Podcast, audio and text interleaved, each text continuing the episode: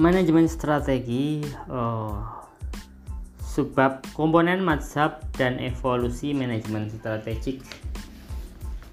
Dilihat dari perspektif pemegang saham, perusahaan didirikan untuk mencapai tujuan memperoleh laba, peningkatan harga saham, penguasaan pasar pasar dan tumbuh sehat berusia panjang.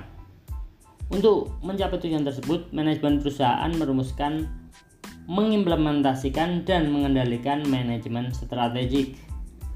Manajemen berusaha meningkatkan kinerja perusahaan dengan cara membangun keunggulan bersaing yang diperlukan untuk meng mengeksploitasi peluang bisnis dan menghadiri ancaman menghindari ancaman bisnis yang berasal dari lingkungan bisnis. Manajemen juga mempertimbangkan visi yang perlu dibangun agar tujuan ekonomisnya dicapai seiring dengan pembentukan karakteristik perusahaan. Manajemen strategik strategik setidaknya memiliki empat komponen yaitu lingkungan bisnis, manajemen lingkungan bisnis, manajemen, visi dan strategik. Dilihat dari substansi dan prosesnya, komponen tersebut melahirkan banyak mas hub Masa lingkungan memberikan perhatian besar pada lingkungan bisnis. Sebaliknya, masa sumber daya menilai bahwa keberhasilan perusahaan lebih banyak ditentukan oleh penguasaan dan penggunaan sumber daya yang dimiliki. Mazhab berbasis nilai memberikan tekanan pada pentingnya visi sebagai sumber energi utama dalam menumbuh kembangkan perusahaan.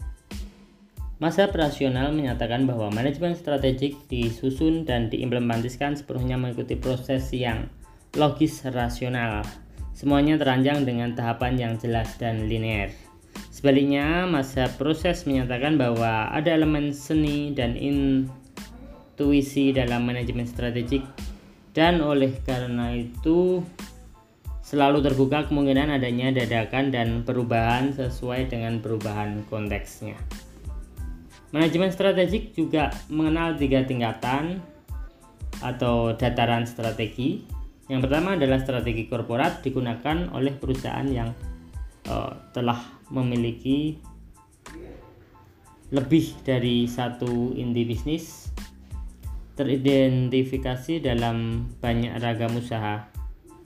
Strategi pada tingkatan bisnis menjelaskan tentang apa yang harus dilakukan oleh satu unit usaha strategis sebagai pembeda dalam harga dan keunikan untuk memperebutkan konsumen dan bersaing dengan perusahaan lain. Strategi fungsional menguraikan lebih jauh apa yang ada dalam strategi bisnis ke dalam manajemen fungsional agar lebih konkret dan terukur. Strategi korporat merupakan payung tertinggi dari kedua strategi yang disebutkan belakangan. Strategi bisnis dan fungsional merupakan terjemah lebih jauh dari strategi korporat. Oke, ini oh, ini kita tutup dulu.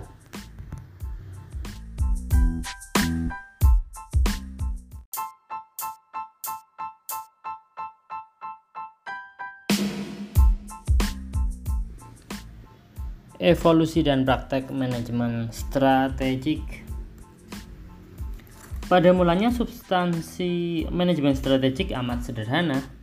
Pada awal usianya itu masih banyak bersinggungan dengan manajemen keuangan dan berdimensi waktu pendek.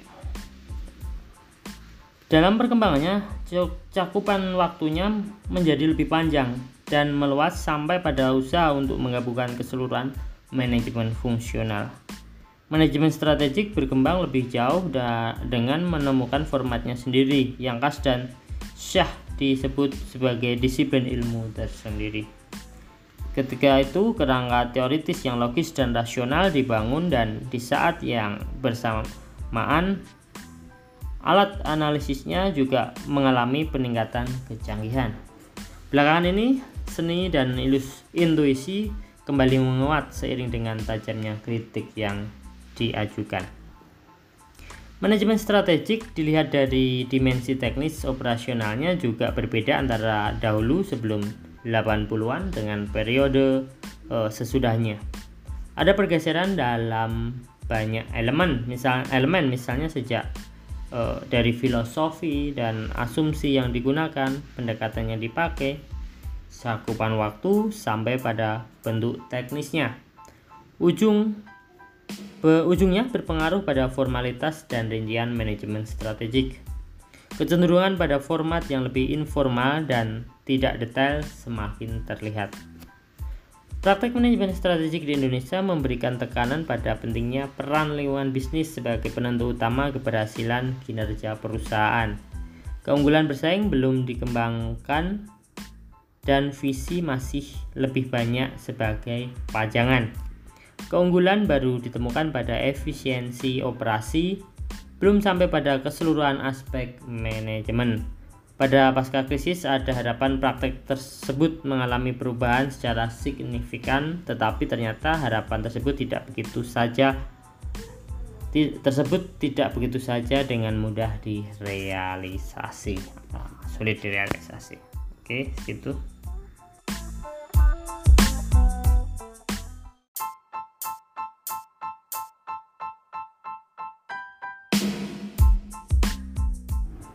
Prinsip dasar dan pendekatan dalam analisis lingkungan bisnis makro.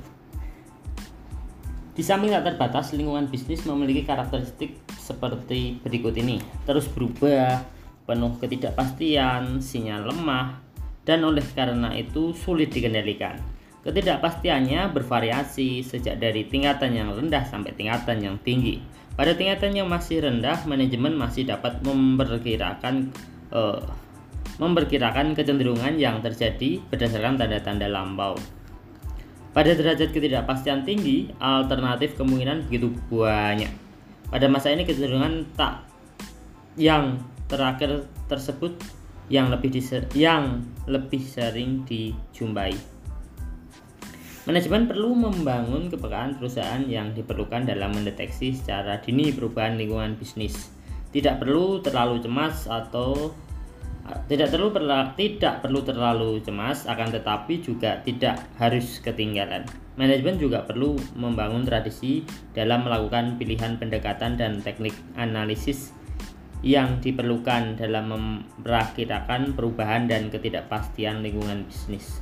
Di samping itu, manajemen juga perlu menyiapkan pilihan antisipasi strategi dengan mempertimbangkan resiko yang dihadapi dan kemungkinan hasil yang diperoleh.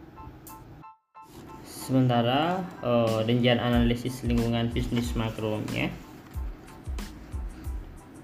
Analisis lingkungan ekonomi meliputi analisis sumber daya alam, sumber daya manusia, modal domestik, cadangan devisa, dan prasarana dasar. Di samping itu juga dijelaskan secara rinci analisis lingkungan teknologi, politik, hukum, sosial budaya, dan kependudukan juga beserta implikasi manajerialnya. Analisis lingkungan politik mencakup variabel ideologi negara, stabilitas politik, lembaga negara, hubungan internasional, dan peran pemerintah. Lingkungan sosial budaya mencakup struktur dan dinamika sosial, persepsi tentang manusia, ruang dan waktu, agama, peran gender, dan bahasa. Lingkungan kependudukan membahas tentang tingkat pertumbuhan penduduk, struktur usia, urbanisasi, migrasi, dan status kesehatan. Analisis lingkungan bisnis makro biasanya menggunakan data sekunder.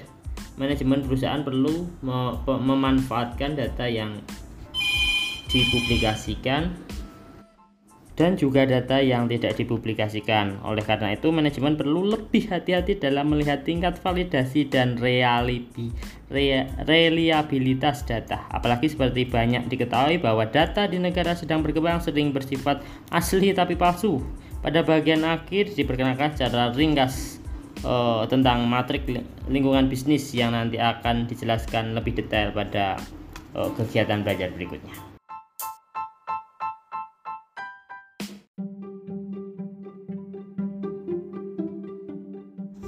Analisis lingkungan industri Struktur pasar, tempat di mana perusahaan beroperasi mempengaruhi pilihan strategi dan perilaku perusahaan di pasar yang pada ujungnya berpengaruh pada baik buruknya kinerja perusahaan.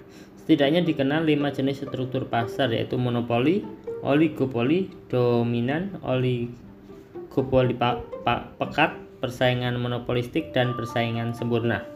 Jenis pasar yang disebut pertama dan terakhir hampir tidak pernah ditemui, amat sangat jarang dalam dunia nyata. Pemilik dan manajemen perusahaan selalu berkehendak agar perusahaan yang dimiliki dan dipimpinnya berada pada struktur pasar yang mendekati monopoli karena struktur pasar tersebut menjanjikan bukan jaminan adanya kinerja perusahaan yang lebih baik.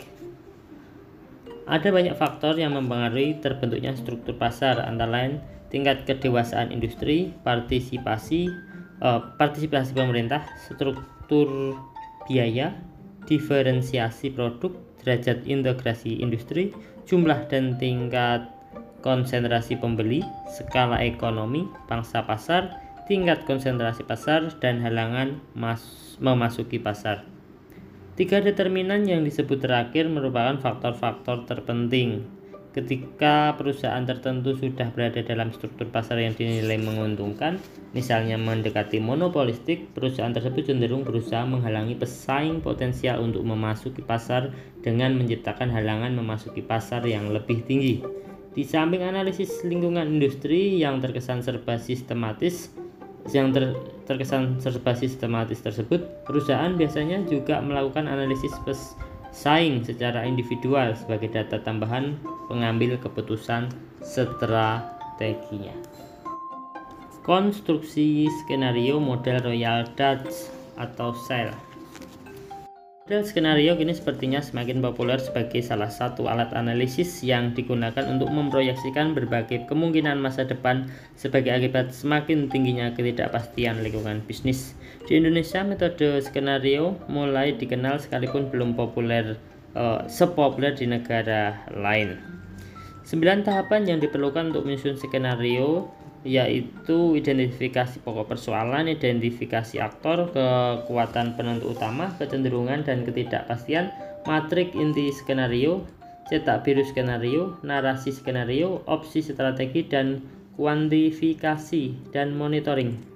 Identifikasi pokok persoalan yang merupakan langkah pertama dinilai merupakan tahapan kritis karena menjadi penentu keberhasilan tahapan selanjutnya. Hendaknya dilihat bahwa kesembilan tahapan tersebut bukanlah tahapan mekanistik yang kaku, akan tetapi tetap membuka peluang adanya proses kreativitas yang merupakan karakter pokok mendesain skenario. Bagian kedua menjelaskan tentang contoh konstruksi skenario untuk sebuah perusahaan pers di Amerika Serikat ketika perusahaan tersebut mulai risau tentang kemungkinan masa depan yang dihadapi karena ada penemuan teknologi baru. Secara detail dijelaskan bagaimana kekuatan lingkungan bisnisnya yang mewarnai terbentuknya empat kemungkinan skenario yaitu business as usual with a twist, unbundling of information and adversing, consumer in control, and cyber media. Narasi keempat alternatif skenario juga disampaikan sekalipun amat ringkas.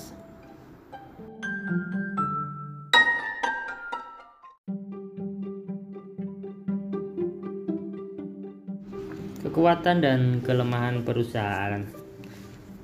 Ada berbagai pendekatan yang dapat digunakan untuk mengevaluasi dan menentukan kekuatan dan kelemahan perusahaan yang termasuk kategori model teknikal dan manajerial. Berbagai pendekatan tersebut antara lain adalah manajemen fungsional, rantai nilai, unit keunggulan bersaing, PIMS, 7S, sumber daya, dan kompetensi inti.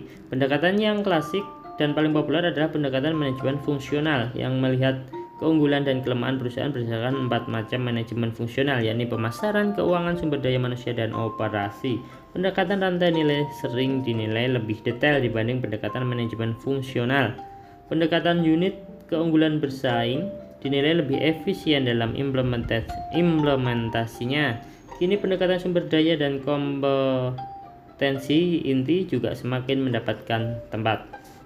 Setelah menentukan jumlah variabel dilakukan, manajemen perlu melakukan langkah lanjutan dengan mengevaluasi variabel yang telah dipilih dengan membandingkan de, eh, membandingkannya dengan salah satu dari empat kemungkinan. Variabel yang telah dipilih dalam dapat dibandingkan dengan salah satu teknik berikut: kinerja dan kompetensi masa lalu perusahaan, teori evolusi produk, pesaing, dan faktor kunci keberhasilan inti tidak dilarang membandingkan dengan lebih dari satu macam. Analisis keunikan kepemimpinan. Pendekatan keunikan kepemimpinan uh, ini belum dikenal di Indonesia. Pada skala dunia, jika tidak keliru juga belum dikenal. Pada skala yang disebut keduanya hanya dikenalkan masing-masing perspektif atau komponen dari PKK. Belum merupakan satu kesatuan yang kemudian dapat digunakan sebagai pendekatan untuk mengetahui kekuatan dan kelemahan perusahaan. Berbeda dengan pendekatan lain, PKK tidak memberikan tekanan pada aspek teknis manajerial seperti yang selama ini dikenal dalam berbagai metode evaluasi kekuatan dan kelemahan perusahaan. Perhatian PKK lebih diarahkan pada aspek kepemimpinan, kemampuan menggerakkan organisasi dan melakukan perubahan yang kini semakin banyak dibutuhkan oleh perusahaan. Ketika derajat dinamika lingkungan bisnis tempat perusahaan beroperasi semakin tinggi. Bagi perusahaan yang sedang dalam kinerja tidak sehat, apalagi jika sebab ketidaksehatannya berasal dari lingkungan bisnis, pendekatan ini seyogyanya digunakan. PKK di memperkenalkan empat macam keunikan kepemimpinan dalam perusahaan yang dilihat dari empat perspektif manajemen fungsional, yakni tumbuh ok, tumbuh okokra, okokratis, TA, puncak borjuis, PB, stabil aristokratis SA dan turun birokratis TB. Kepemimpinan TA terbentuk oleh kepemimpinan yang dalam aspek pemasaran dan keuangannya berorientasi agresif, prospektif, inovatif dalam aspek operasi dan mengikuti metafora Zeus dalam pengelolaan sumber daya manusia. Kepemimpinan PB terjadi jika dilihat dari aspek pemasaran berkarakter sebagai analis, analyzer, bercirikan superior dalam manajemen keuangan, inovatif, imitatif dalam operasi dan mengikuti metafora Athenian dalam manajemen sumber daya manusia. Kepemimpinan SA berbentuk terbentuk ketika orientasi pemasarannya bersifat defensif atau defender, pasif dari sisi keuangan imitatif inovatif dari aspek operasi dan mengikuti pola Apollonian Dionysian dalam mengelola sumber daya manusia. Kepemimpinan TB lahir ketika secara pemasaran perusahaan lebih berorientasi reaktif reaktor, suboptimal dari sisi manajemen keuangan, imitatif dari aspek operasi dan terlihat kekakuan yang berlebihan dalam pengelolaan SDM. Oke modul 4 cukup sekian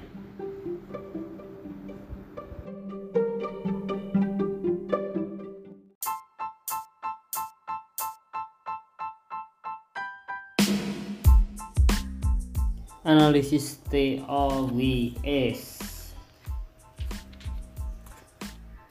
Analisis TOWS atau sering juga disebut dengan SWOT tidak berlebihan jika dikatakan sebagai alat analisis yang paling sering digunakan dalam membantu mendesain rencang, rancang bangun strategi di Indonesia.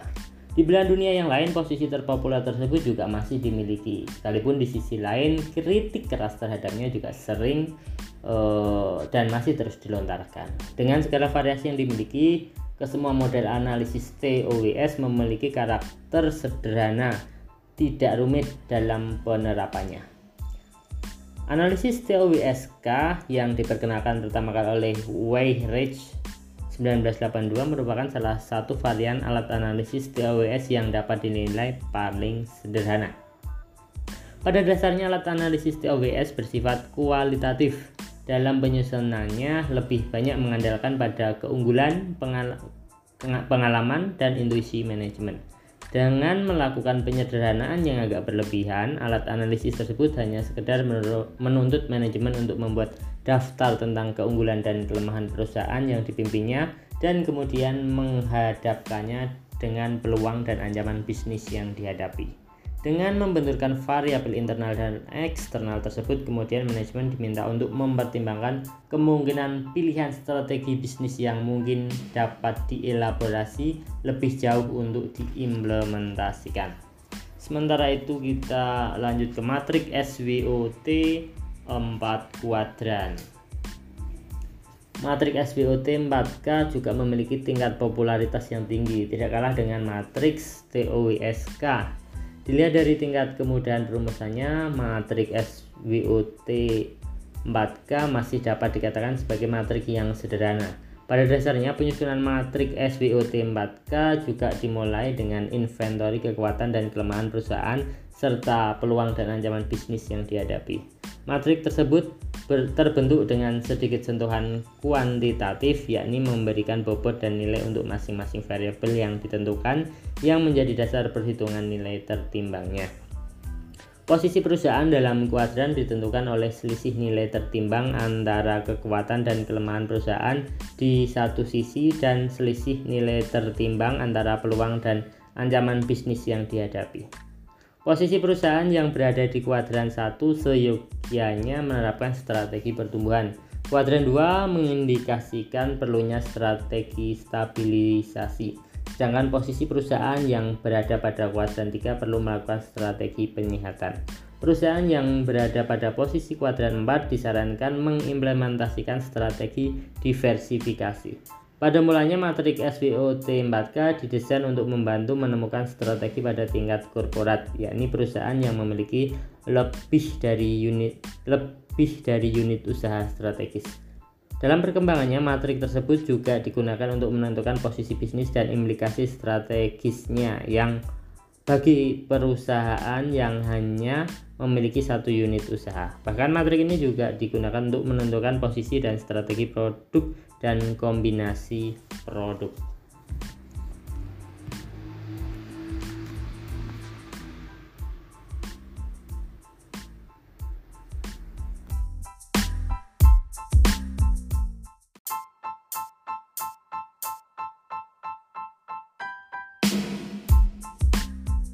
matrik pertumbuhan pangsa pasar dan matrik daya tarik industri. Matrik pertumbuhan pangsa pasar atau MP3 atau matrik BCG yang oleh penemunya Bruce Henderson tidak didesain dengan ambisi yang berlebihan. Ternyata mendapat momentum kelahiran yang pas. Dalam waktu yang tidak terlalu lama, matrik tersebut begitu luas dikenal, tidak saja oleh para akademisi tetapi juga para praktisi. Matrik BCG lahir tepat waktu ketika strategi diversifikasi konglomerasi sedang mendapatkan tempat yang terhormat. Akademisi dan eksekutif perusahaan sedang membutuhkan alat analisis yang tepat untuk membantu pengambilan keputusan dalam mengelola perusahaan yang memiliki banyak unit usaha atau portofolio bisnis. Mantra yang diajukan tentang pentingnya penguasaan pangsa pasar yang tinggi untuk menjadi pemimpin bangsa pasar dan keseimbangan aliran kas menjadi resep yang tidak boleh dilupakan. Kesederhanaan dan kesan kecanggihannya juga membantu pencapaian statusnya. Dua sumbu, pertumbuhan pasar dan bangsa pasar, dan empat sel yang dimiliki, tanda tanya, bintang, sapi perah, dan tanda silang, dinilai telah cukup untuk dijadikan alat bantu pengambilan keputusan strategi pada tingkat korporat. Dalam perjalanannya, berbagai kritik membangun juga ditemukan. Kesederhanaannya yang selama ini dikenal sebagai kelebihannya sebenarnya juga sekaligus merupakan kelemahannya. Satu indikator pertumbuhan pasar yang digunakan untuk mengukur ada tidaknya peluang bisnis dan penguasaan pangsa pasar sebagai satu indikator lainnya yang digunakan untuk mengukur keunggulan perusahaan mendapatkannya kritik karena dianggap menyederhanakan persoalan secara berlebihan. Asumsi-asumsi yang secara implisit digunakan terutama yang menunjukkan keterkaitan yang begitu langsung antara pangsa pasar, laba dan aliran kas kadangkala dipertanyakan. Setidaknya untuk sel bersimbol anjing, kritik asumsi tersebut mendapatkan bukti yang memadai. Namun demikian, semua kritik tersebut tidak sampai menjadikan MP3 ditinggalkan sepenuhnya oleh mereka yang sebelumnya telah pernah menggunakannya. Status yang pernah terhormat kembali diraih setelah strategi diversifikasi belakangan ini kembali memperoleh tempat dalam praktek pengelolaan perusahaan. Matrik daya tarik industri Layar bisnis 9 sel GE atau yang lebih populer dikenal sebagai matrik daya tarik industri MDTI lahir pada tahun 1970 hasil kerjasama GE sebagai perusahaan besar yang terdiversifikasi dan McKinsey dan CO sebagai salah satu konsultan bisnis dunia ternama. Matrik tersebut pada awalnya didesain karena keunikan pilihan sikap KE terhadap matrik BCG. Dia tertarik pada prinsip dasarnya dan tetapi sekaligus bersifat kritis untuk melakukan perbaikan mengurangi kelemahannya. Kesederhanaan yang ada pada matrik BCG dinilai sebagai kelemahan yang melekat pada matrik tersebut. Secara teknis tidak ditemukan perbedaan yang berarti pada kedua matrik tersebut. Tetapi jika dilihat dengan lebih cermat, keduanya menggunakan asumsi dan sekaligus memiliki implikasi strategis yang berbeda. Kedua sumbu yang dimiliki oleh MDTI masing-masing tidak hanya diukur dengan satu variabel saja. Sumbu daya tarik industri diukur dengan menggunakan banyak variabel dalam lingkungan bisnis, makro dan industri termasuk pertumbuhan pasar. Peluang bisnis tidak semata-mata ditentukan oleh tinggi rendahnya pertumbuhan pasar. Sumbu keunggulan bersaing perusahaan diukur dengan banyak variabel kekuatan perusahaan termasuk penguasaan pangsa pasar yang dimiliki. Kinerja perusahaan khususnya tingkat kemambulabaan dan besarnya aliran kas masuk tidak semata-mata ditentukan oleh besar kecilnya penguasaan pangsa pasar. Sel yang terbentuk dalam MDTI juga ditambah menjadi 9 sel, tidak hanya 4 yang menambahkan dimensi medium yang terletak di antara dimensi rendah dan tinggi. MDTI memberikan tekanan pada penentuan skala prioritas investasi. Di samping matrik utama, MDTI juga mengenal matrik pembantu dan dekomposisi matrik.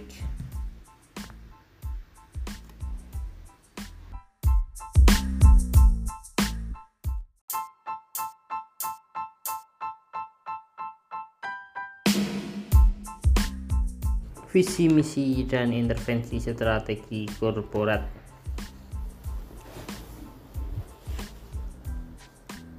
Visi misi dalam bisnis mulai ketika Drucker 1973 mengajukan pertanyaan What is the business? What will the business be? What shall the business be pada awal 1970-an. Pokok bahasan tersebut semakin mengedepankan ketika kurang lebih 10 tahun kemudian Peter dan Waterman 1982 menyatakan bahwa kepemilikan nilai-nilai dalam perusahaan ternyata menjadi salah satu penentu perusahaan-perusahaan yang memiliki kinerja membanggakan. Tetapi gairah meningginya hasrat untuk mengenali lebih jauh tentang visi misi tidak sebanding dengan kejelasan konsep itu sendiri. Sedari mula sesungguhnya telah menjadi perbedaan yang tajam tentang manfaat dari ada tidaknya visi misi dalam perusahaan. Di satu pihak ditemukan mereka yang meyakini tentang efek positif visi misi dalam kinerja perusahaan, baik jangka pendek maupun jangka panjang. Tetapi di sisi lain terdapat juga argumentasi sebaliknya dengan mengatakan bahwa tidak ditemukan bukti yang real dan langsung dari ada tidaknya visi misi. Di samping itu juga ditemukan kenyataan dengan banyaknya pengertian visi misi yang disampaikan oleh para akademisi dan praktisi. Hampir bisa dikatakan bahwa setiap ahli sepertinya memiliki versi sendiri. Intervensi strategi korporat pada masa lalu, peran korporat dalam membantu menciptakan nilai tambah pada unit usaha strategis yang dikelola tidak diragukan. Kini keraguan itu muncul setidaknya dengan dua alasan, yakni pemborosan dan perpanjangan rantai pengambilan keputusan. Tetapi sejarah tetap membuktikan bahwa perusahaan tidak dapat dilarang untuk terus tumbuh membesar. Ketika pertumbuhan tersebut tidak bisa dihindari, korporat yang berfungsi sebagai institusi pengendali unit usaha strategis tidak terhindarkan untuk terbentuk. Membesarnya perusahaan berbanding lurus dengan ada tidaknya kebutuhan untuk membangun korporat yang dalam bentuk fisik berupa kantor pusat atau headquarter. Tentu dengan catatan bahwa pembentukan korporat tersebut tidak melanggar asas efisiensi dan kerambingan birokrasi. Tugas pokok korporat pada dasarnya terdiri dari dua hal yakni menentukan pilihan bisnis yang di, yang dimiliki dan melakukan intervensi manajemen terhadap unit usaha strategik yang dikelolanya. Tugas pertama berkaitan dengan fungsi kewirausahaan, sedangkan tugas kedua berkaitan dengan fungsi administrasi administratif korporat. Intervensi korporat dapat dilakukan secara langsung atau tidak langsung. Di samping itu, korporat dapat melakukan pilihan untuk mengarahkan unit usaha strategis yang dikelola untuk membangun keunggulan bersaingnya atas dasar dua pilihan, yakni keunggulan biaya atau diferensiasi. Keputusan akhir mana yang hendak dipilih dari berbagai alternatif pilihan yang tersedia tergantung sepenuhnya pada tingkat kecocokan karakter korporat dengan unit usaha strategisnya. Setiap pilihan konfigurasi intervensi juga menuntut syarat-syarat keberhasilan yang berbeda, sejak dari kompetensi, budaya, sampai pada kepemimpinan.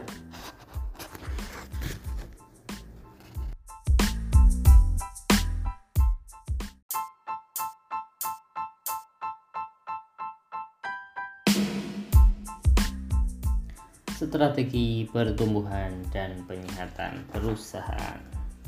Perusahaan yang baru berdiri biasanya hanya memiliki satu unit usaha strategis. Pemilik dan pengelola berusaha membesarkannya dan umumnya itulah yang dijadikan salah satu tolak ukur terpenting dalam menjadi dalam menilai kinerja mereka. Jika berhasil, perusahaan yang pada mulanya lebih banyak tertumbuh pada bisnis inti saja, kemudian berkembang menjadi perusahaan yang terdiversifikasi, memiliki banyak unit usaha strategis. Oleh karena itu, tidak heran jika strategi pertumbuhan begitu dikenal oleh para eksekutif dan pemilik perusahaan. Sepertinya tidak ada yang lebih penting dibanding menumbuh kembangkan perusahaan. Pada awalnya, pengembangan perusahaan dilakukan dengan pertumbuhan internal dengan irama yang reguler.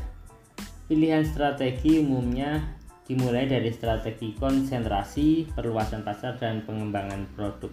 Barulah kemudian ketika perusahaan telah memiliki pengalaman yang cukup dan mulai mampu melakukan akumulasi sumber dana, manajemen memutuskan meningkatkan intensitas pertumbuhan.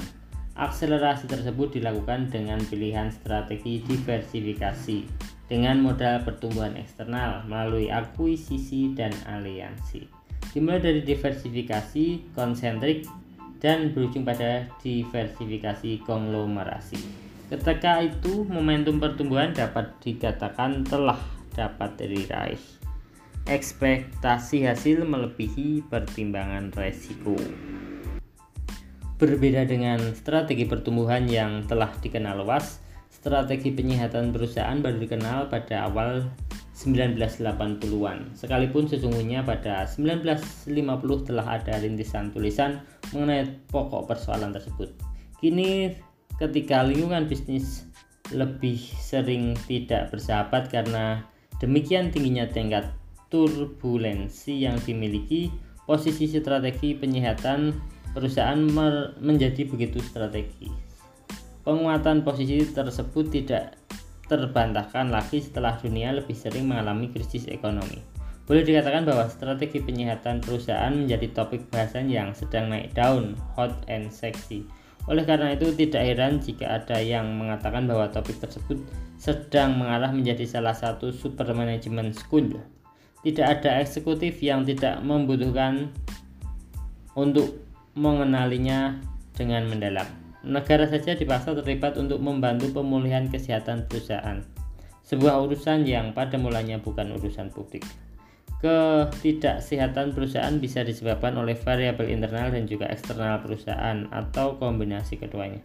Pada umumnya, ketidaksehatan perusahaan yang disebabkan oleh variabel eksternal lebih sulit disembuhkan dibanding ketidaksehatan yang disebabkan oleh variabel internal. Manajemen tidak memiliki kendali terhadap variabel eksternal. Penyihatan juga tidak cukup hanya menggunakan penyihatan operasional, tetapi sampai pada penyihatan strategis. Efisiensi saja tidak cukup. Yang diperlukan justru kreativitas dan terobosan strategi yang dibuat oleh eksekutif perusahaan.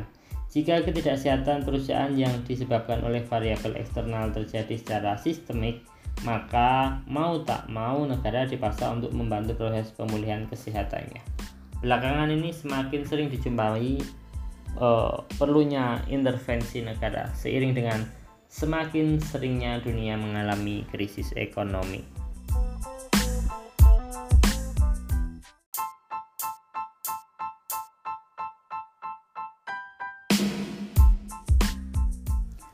Keunggulan biaya dan diferensiasi, analisis statis dan dinamis.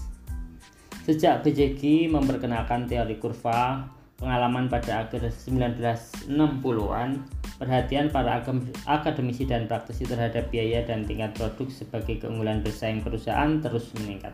Puncaknya ketika Porter menerbitkan kedua bukunya 1980 dan 1985 yang fenomenal tersebut. Dia menamainya dengan sebutan strategi bersaing generik, generik kompetitif strategi. Pada prinsipnya ada dua jenis strategi bersaing generik yaitu keunggulan biaya dan diferensiasi. Dalam satu strategi tersebut perusahaan menjadikan industri atau keseluruhan pasar sebagai target yang hendak dilayani. Strategi tersebut pertama menjadikan perusahaan mampu menjual produk jasa yang dihasilkan dengan harga yang lebih rendah dari semua pesaingnya. Strategi bersaing yang disebut terakhir menjadi pro menjadikan produk yang dihasilkan perusahaan dinilai unik oleh konsumen dan menjadi dan mereka bersedia membayar produk tersebut dengan harga premium. Di samping itu, Porter juga memperkenalkan istilah fokus yang menunjukkan pada besarnya kedalaman pasar atau market scope yang hendak dilayani perusahaan. Apakah mencakup keseluruhan atau sebagian saja? Konsep ini serupa dengan konsep segmentasi pasar. Ada kalanya perusahaan memiliki salah satu dari dua strategi bersaing generik tersebut. Mereka mengimplementasikan keduanya. Inilah yang disebut sebagai posisi terperangkap di tengah, stuck in the middle. Pada mulanya Porter menilai posisi tersebut sangat tidak menguntungkan, tapi belakangan ini mengubah pandangan dengan mengatakan bahwa jika benar ada perusahaan yang mampu berada dalam posisi tersebut justru akan menjadikan posisi keuntungan, keunggulan bersaingnya semakin tangguh tangguh barang yang dihasilkan bermutu sekaligus dapat dijual dengan harga rendah. Banyak ahli memiliki pandangan yang berbeda dengan pandangan awal Porter dan menunjukkan banyak bukti empiris bahwa kedua strategi bersaing generik dapat dijalankan secara simultan atau dual strategi. Apresiasi, apresiasi yang demikian tinggi yang diberikan oleh para akademisi dan praktisi tidak menjadikan sumbangan Porter yang demikian fenomenal dalam mengenali strategi bersaing generik terlepas dari kritik. Di sisi lain, kritik tersebut sekaligus juga dapat digunakan sebagai sumber penyempurnaan. Pandangan Porter dinilai statis, kurang memperhatikan proses dinamik yang ada dalam praktek bisnis. Jika diingin, jika diinginkan adanya keunggulan bersaing berkelanjutan, dinamika pasar justru harus mempertimbangkan sebagian sebagai masukan penting dalam perumusan pilihan strategi bersaing. Keunggulan bersaing tidak begitu saja lahir dari satu kali pengambilan keputusan, itulah esensi pendekatan dinamis yang dilakukan oleh De Aveni. De Aveni mengajukan model 4 arena tangga utama persaingan yakni harga dan kualitas, waktu dan pengetahuan atau teknologi, penciptaan halangan memasuki pasar, dan ketangguhan keuangan perusahaan. Strategi bersaing generik Porterian hanyalah salah satu saja dari empat arena persaingan. Berada dalam tangga pertama. Di dalam arena persaingan pertama tersebut juga terdapat beberapa anak tangga eskalasi persaingan. Anak tangga tersebut yang juga merupakan pilihan strategi bersaing adalah perang harga, perubahan posisi relatif, berposisi di jalur tengah, pengisian semua jeruk, mengepung pada posisi ekstrim dan sisa jeruk. Keunggulan harga dan kualitas atau posisi terperangkap di tengah dan pengulangan siklus persaingan. Strategi bersaing perusahaan bergerak terus dalam berbagai anak tangga tersebut dan juga tiga tangga utama yang lain.